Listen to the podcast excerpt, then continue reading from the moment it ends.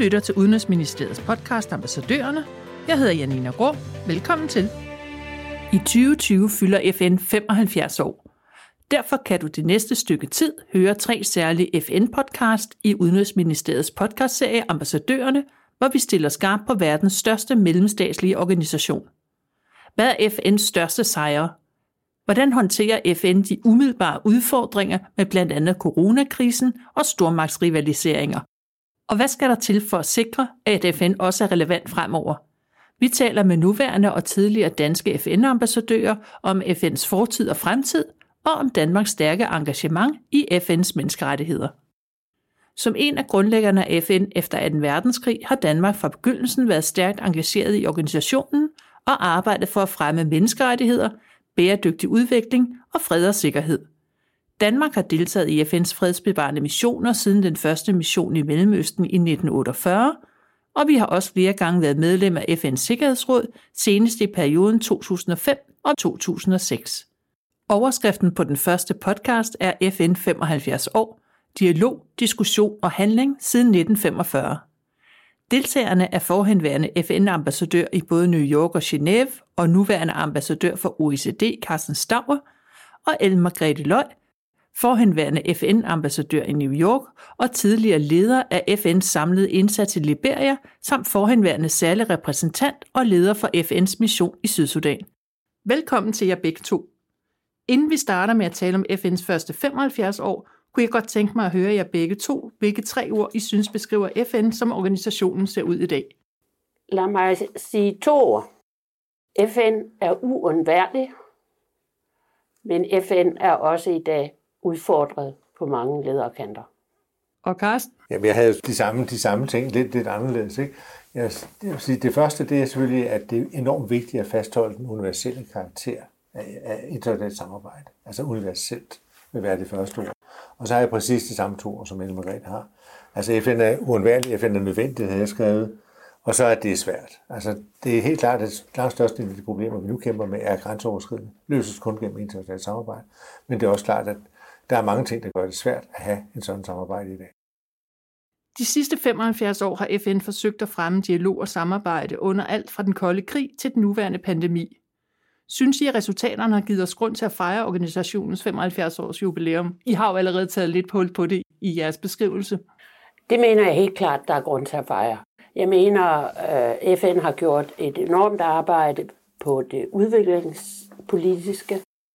De har gjort et enormt arbejde på menneskerettighedsområdet, og de har øh, over tiden også gjort et stort arbejde med øh, fredsbevarende operationer og, og, og, og fredsdannelse. Ja, altså, du kan også spole båndet endnu længere tilbage og sige, hvad var det, der var udgangspunktet i 1945? FN-pakten, at vi skal ikke igennem en ny verdenskrig. Der var gået 20 år fra afslutningen af 1. verdenskrig, til man var godt i gang med 2. verdenskrig. Nu er der gået 75 år siden afslutningen af 2. verdenskrig, og vi har ikke været i nærheden af øh, egentlig samme, den samme, de samme form for problemstilling, fordi nu har vi et sted, hvor man kan få demonteret nogle af kriserne i hvert fald, og få skabt en eller anden, et, et, et sted, et forum, hvor man kan tale sammen om problemerne, og på en eller anden måde kan lære hinanden at forstå hinanden bedre. Så, så, så den der, det første del, altså at FN, som, som Hammarskjöld sagde, FN er født for, for at føre verden til, til himlen, men for at undgå helvede, ikke? det er jo et, et, et, et, et, det helt fundamentale, og det er det afgørende succeskriterium. Så er der mange andre ting, hvor man siger, at FN skal følge med tiden. FN har skabt, og jeg Margrethe siger, en stor del af udviklingsdiskursen, hele udviklingsfilosofien er jo på mange måder vokset, en plante, der er vokset i FN's have. Og så er der selvfølgelig hele det internationale humanitære system, hele det internationale menneskerettighedssystem, er også noget, som FN har skabt. Og jeg vil stadigvæk vende tilbage til, FN's Sikkerhedsråd, når det fungerer, er et fuldstændig unikt forum, som har magten til at definere, hvad der er ret og uret i den her verden, og har, magten, har, har muligheden for at anvende magt med, med folkeretlig begrundelse. Og det er en, en, øh, en helt unik ting, som nogle gange er bedre udnyttet end andre, men under alle omstændigheder er en fundamental faktor omkring FN. Jamen jeg vil godt med hensyn til, hvordan øh, de forskellige organer fungerer, også henvise til den kronik, som øh, de to minister, udenrigsministeren og udviklingsministeren, skrev her i sommer, nemlig at FN er os. Altså, der er så... Og nu har jeg jo arbejdet både i Udenrigsministeriet og i FN. Det er så let at pege fingre af FN, og det er der mange medlemslande, der gør. Men de glemmer, at forudsætningen, en vigtig forudsætning for, at FN kan levere på de områder, det er, at medlemslandene øh, samarbejder i organisationen. Og det gælder også i Sikkerhedsrådet, der er det gået op og ned. Øh, det kan vi snakke om på et andet tidspunkt. Der har været perioder, hvor Sikkerhedsrådet ikke har fungeret så godt, og der har været perioder, hvor det har fungeret mega godt. Så det er medlemslandene, der har ansvaret for, at FN bliver en effektiv international spiller. Ja, det er ikke bedre end sine medlemmer. Nej. Det, men derfor vil jeg sige, det er jo klart, man kan også, fordi jeg har både gjort i en, en anden sammenhæng, at prøve at sammenligne, hvad er FN-sekretariets opfattelse af sig selv i forhold til for eksempel EU-kommissionens. Og der er der måske i en, en, at FN-sekretariatet er er mere sekretariat for medlemslandene og skal forsøge at finde den der fælles grund mellem medlemslandene.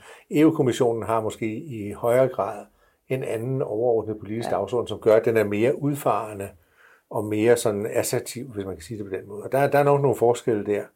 Øh, men FN er jo som internationalt samarbejde er mest. Altså det er, hvad medlemslandene vil.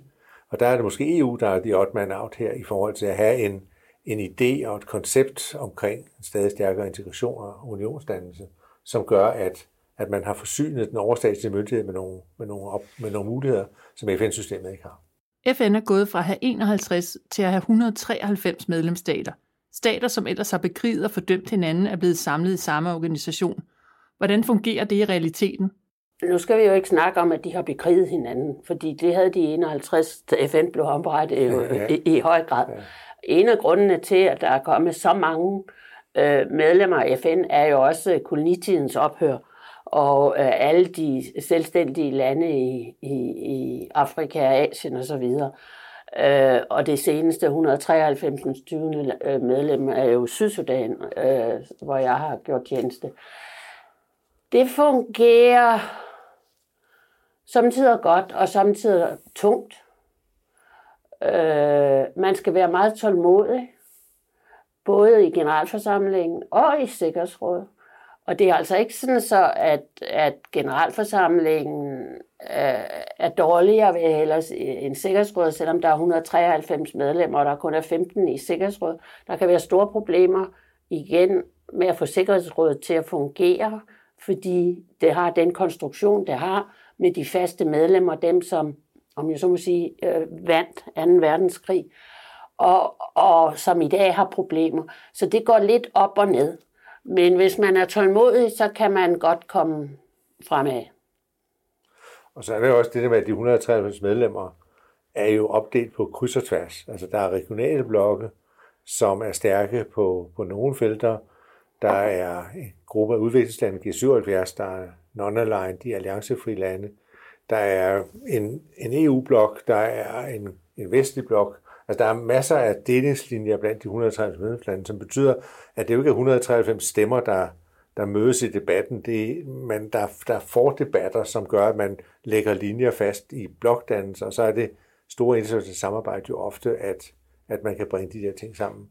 Jeg tror, at FN's generalsekretær plejer sådan at sige, i hvert fald skiftende generalsekretær, at man kan finde et repræsentativt udsnit af verdens lande med omkring 30. Altså, så har man en repræsentant for alle stormagterne, så har man en repræsentant for de små østater, og så har man et par europæiske medlemmer, måske et nordisk. Men, men grundlæggende set er der, hvis man har omkring 30 mennesker omkring bordet, som alle sammen repræsenterer forskellige typer af lande, en relativ, i praksis en relativ høj grad af universalitet, som gør, at man jo også kan foretage nogle forhandlinger og træffe nogle beslutninger. Nu kan man sige, at det er ind at sige et eller andet i retning af, at hvordan sikrer man, at det ikke blot bliver ved snak det hele, når man, når man taler om FN, men det lyder faktisk på jer, som om det netop er snakken, som i høj grad bærer meget af FN-arbejdet. Men snak, snak er jo en del af det. Altså, når det er Churchill, der står over i FN-bygningen, det der uh, George war is better than war war, ikke? Altså, at, at det er nogle gange bedre at snakke sammen, også selvom man måske snakker om ikke ret meget, og det, det er diffust, end det er, at man lader konflikterne vokse så store. Så, så det at snakke sammen er ikke nødvendigvis en dårlig ting. Det kan også lægge en dæmper på konflikter. Det kan være med til at skabe forståelse for hinanden, som så, selvom man ikke er enig her og nu, så hen ad vejen kan føre til, til, til løsninger af problemerne. Og det er jo kun gennem samtalen, at man får løst problemer. Altså nu, nu snakker vi grundlæggende set i de her år enormt meget om grænseoverskridende problemer. Vi har klimaproblemer, vi har øh, terrorismeproblemer, vi har det ene, vi har pandemier nu øh, med, med covid-19. Der er jo ikke det ene, der er jo meget, meget få spørgsmål, som ikke har en eller anden grænseoverskridende dimension. Og det kræver, det kræver internationalt samarbejde, det kræver regionalt samarbejde, men det kræver i mange tilfælde også øh, universelt internationalt samarbejde med alle med. Pandemierne, som vi nu ser dem, er jo det bedste eksempel. Det er, sådan, det er skoleeksemplet på internationalt samarbejde. Der er ingen lande, som kan håndtere det her alene. Hvis man skal gøre det effektivt, skal alle lande være med. Det er et eneste område, hvor man for alvor har set, i hvert fald i praksis, kinesere og, og Taiwans myndigheder arbejder godt sammen, fordi begge ved, at der er meget på spil omkring øh, udbredelse af smitsomme sygdomme. Så det er jo bare et klassisk eksempel på, at det er nødvendigt med et internationalt samarbejde, og det er nødvendigt at finde en fælles platform at samarbejde på. Jeg vil godt tilføje, at snak er vigtig. Snakken er vigtig i, blandt medlemslandene for at lægge retningslinjerne. Men det, man så bliver enige om, det skal jo så også gennemføres. Så snak alene duer ikke. Og derfor har vi jo FN's udviklingsorganisationer, FN's særorganisationer osv. De skal så gennemføre det, man er blevet enige om. FN's fredsbevarende operationer skal gennemføre det, Sikkerhedsrådet er blevet enige om. Så, så det er snak plus handling.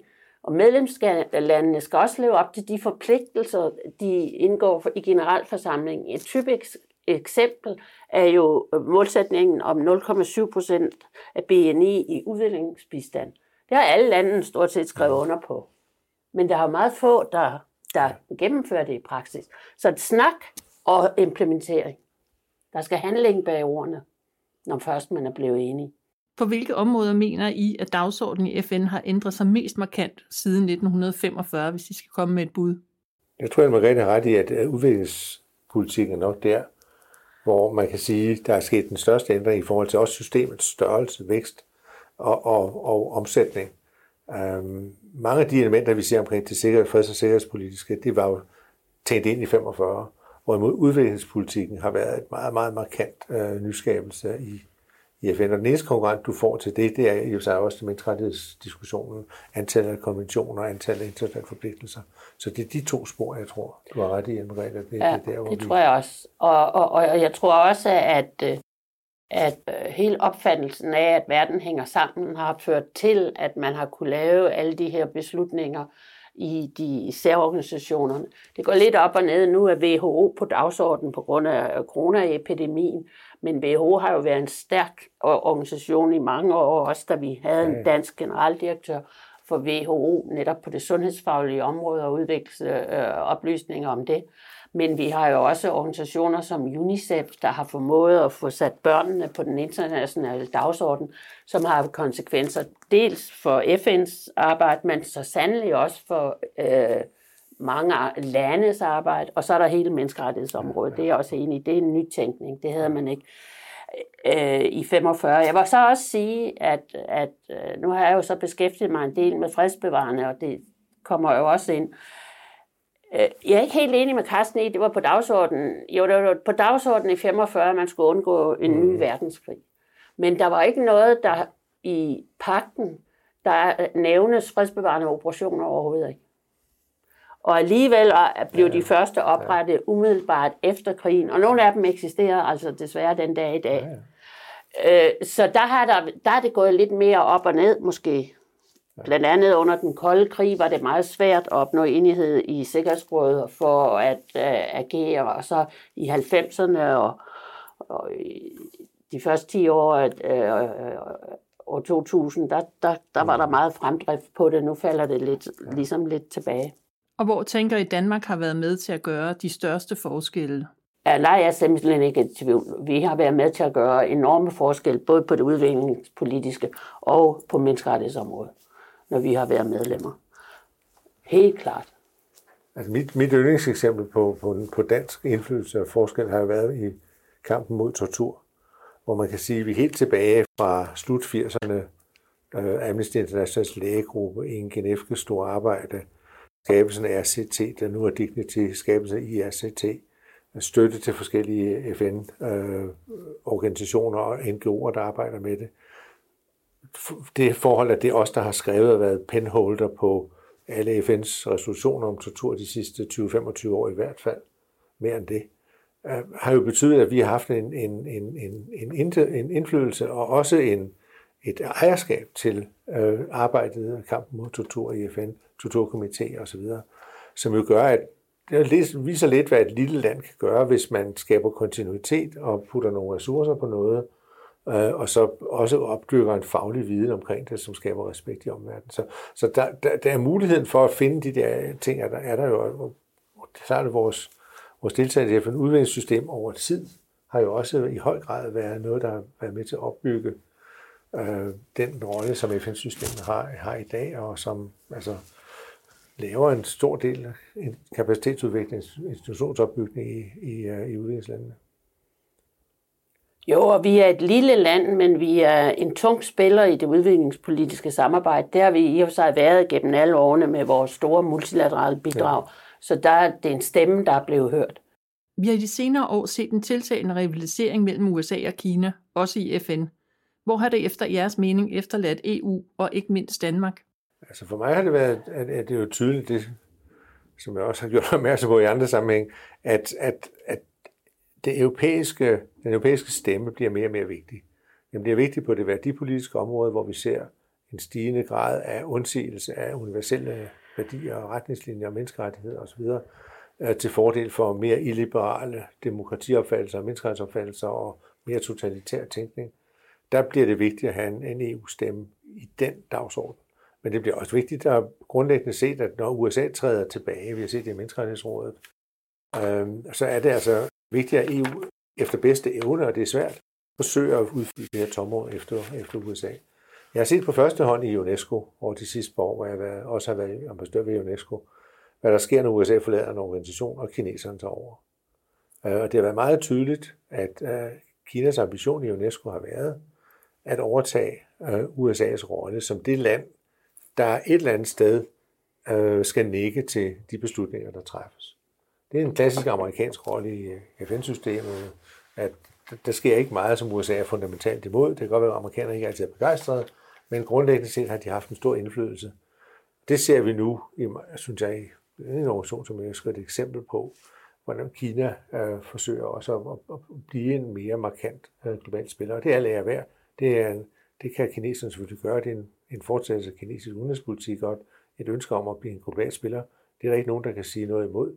Men det er også klart, at der, hvor der måtte være en uenighed om, hvad politikens indhold skal være, der er det også vigtigt, at den øh, indflydelse så bliver mødt med en modindflydelse. Der er ikke mange andre end EU, øh, der i dag vil være i stand til at, til at spille det spil. Og derfor er det selvfølgelig også vigtigt, at vi lægger en stor del af vores indsats, ikke det hele, langt fra, men en stor del af vores indsats i EU's kurv jeg synes måske, at vi skal passe på ikke at fokusere udelukkende på øh, rivaliseringen mellem USA og Kina. Jeg er helt enig i, at Kinas engagement i verden og et internationalt samarbejde har ændret sig meget over de sidste 30-40 år. Øh, og du ser det jo øh, ikke mindst i Afrika øh, øh, kraftigt, men der ser du også nu, at, at der er nogle af landene, der bremser op og siger, enough is enough vi skal ikke, hvis du ser med afrikanske øjne, vi skal ikke undervurdere, at der er altså andre spillere også, som stadig har en stor indflydelse herunder de gamle kolonimagter. Mm. Frankrig og England.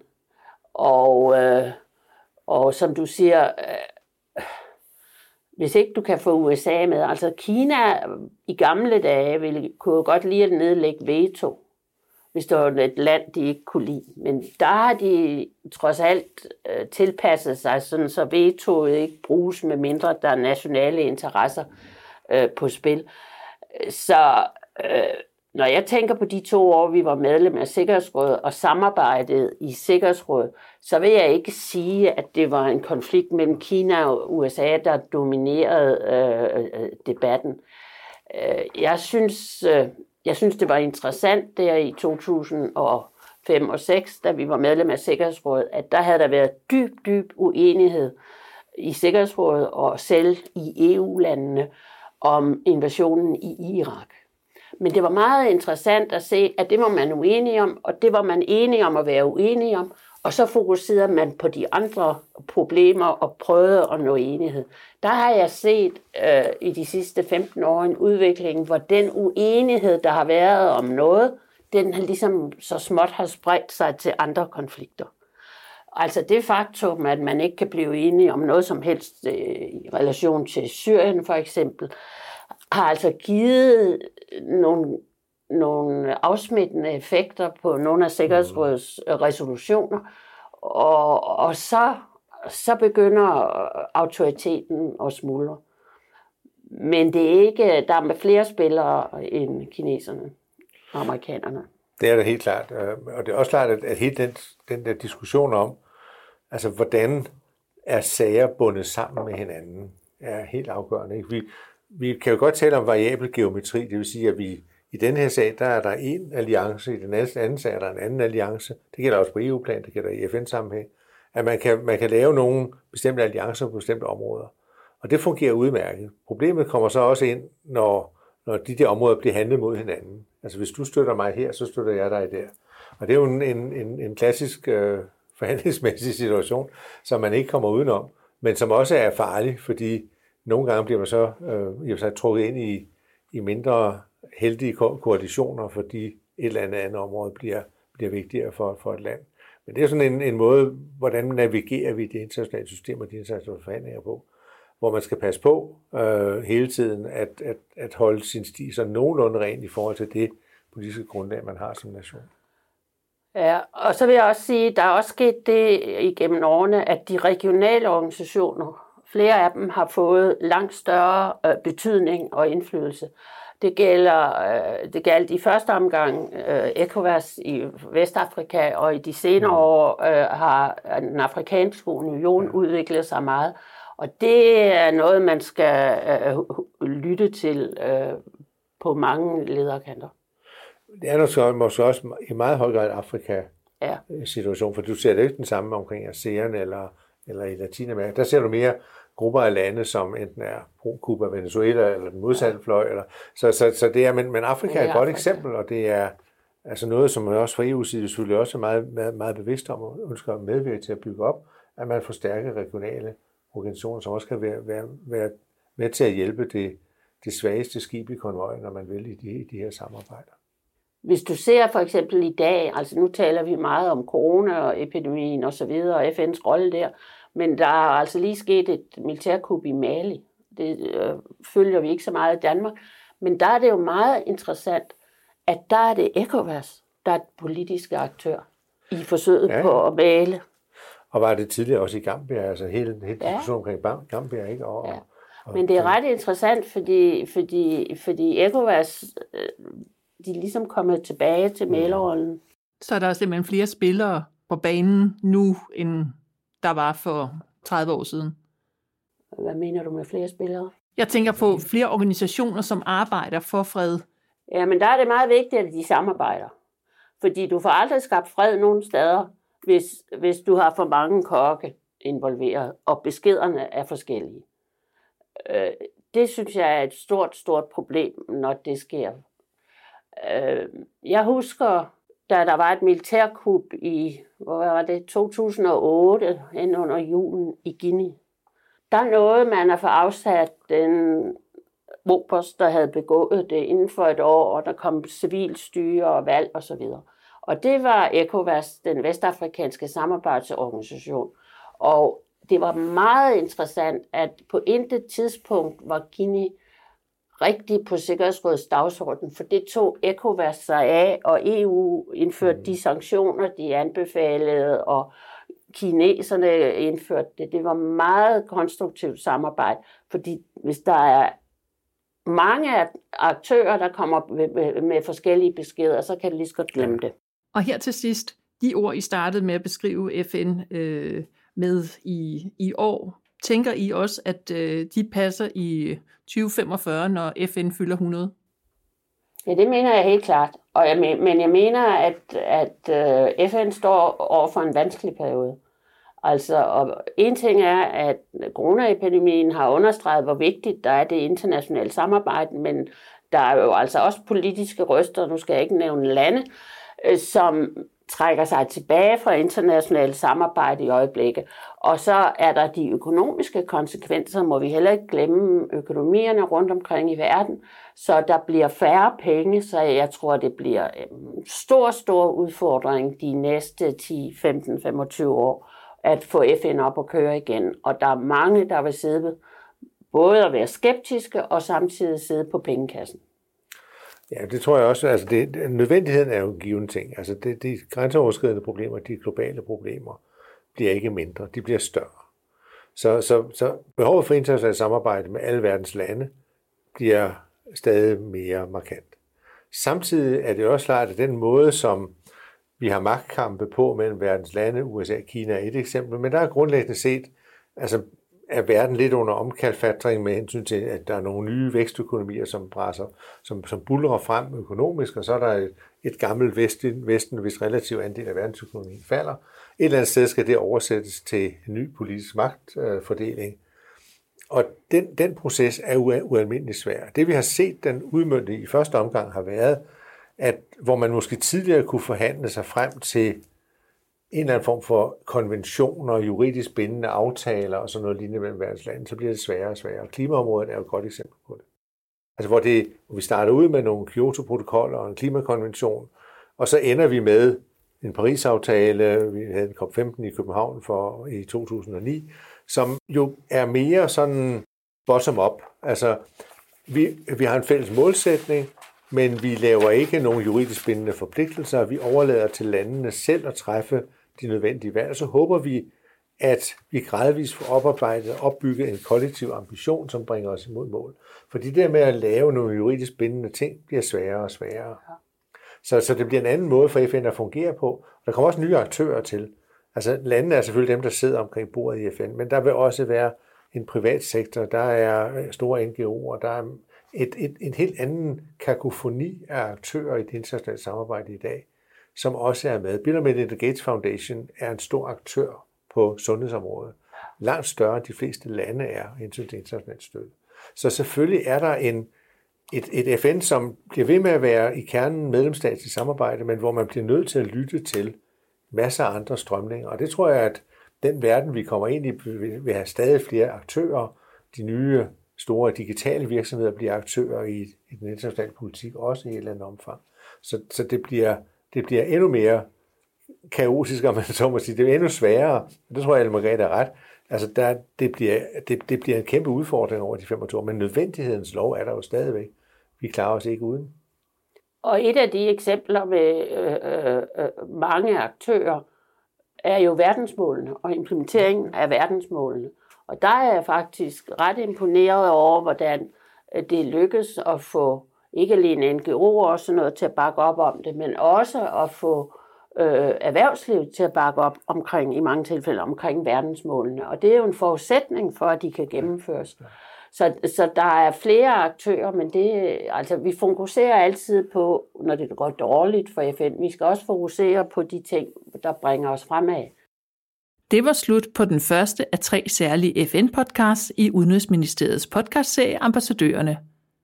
Tak til de to ambassadører Carsten Stauer og El Margrethe Løg, og tak fordi du lyttede med.